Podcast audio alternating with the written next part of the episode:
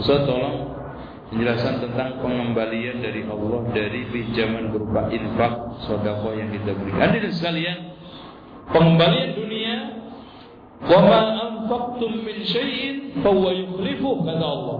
Apa-apa yang kamu infakkan pasti akan diganti Allah. Dan setiap pagi Allah menurunkan dua malaikat yang satu mengatakan Allahumma a'ti munfikan khalafa yang satunya mengatakan Allahumma a'ti mumsikan talafa ya Allah berilah orang yang infak sebagai penggantinya dan berilah orang yang menahan bakhil kerusakan dalam hartanya. Adapun di, di akhirat tadi satu biji didebatkan 700, satu rupiah 700 rupiah, satu juta 700 juta, masya Allah. Ganti dunia akhirat gak mungkin akan dan dilewatkan oleh Allah Subhanahu wa taala. Namun ganti itu bisa kuantitas, bisa kualitas.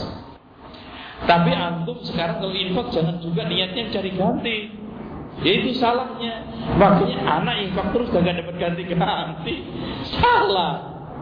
Antum infaknya lillahi ta'ala. Contoh gitu loh mas. Katanya Syekhul Islam Ibnu Taimiyah, Masya Allah. Ada suatu pernyataan ulama mengatakan siapa yang ikhlas Sholat selama 40 hari Allah akan kasih mutiara hikmah keluar dari mulutnya Akhirnya saya sholat 40 hari tidak dapat karena saya dapat saya sholat 40 hari untuk cari hikmah. Loh gak ikhlas. Untuk cari hikmah itu. Oh lihat mas.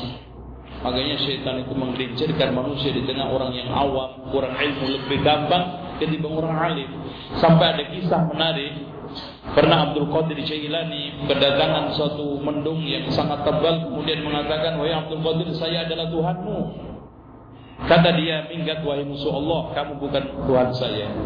Kemudian lalu itu mendung keluar suara lagi, "Wahai Abdul Qadir Jailani, sejak sekarang semua yang haram saya halalkan khusus buat kamu." Kamu bukan bukan Tuhan, kamu adalah iblis. Akhirnya Mendung itu hilang sambil mengatakan wahai Abdul Qadir Jailani, kamu aku telah menyesatkan lebih dari 70 orang seperti kamu semuanya tertumbang, semuanya kena kecuali kamu dan kamu selamat karena ilmumu. Nah, iblis, ya. Karena ilmu.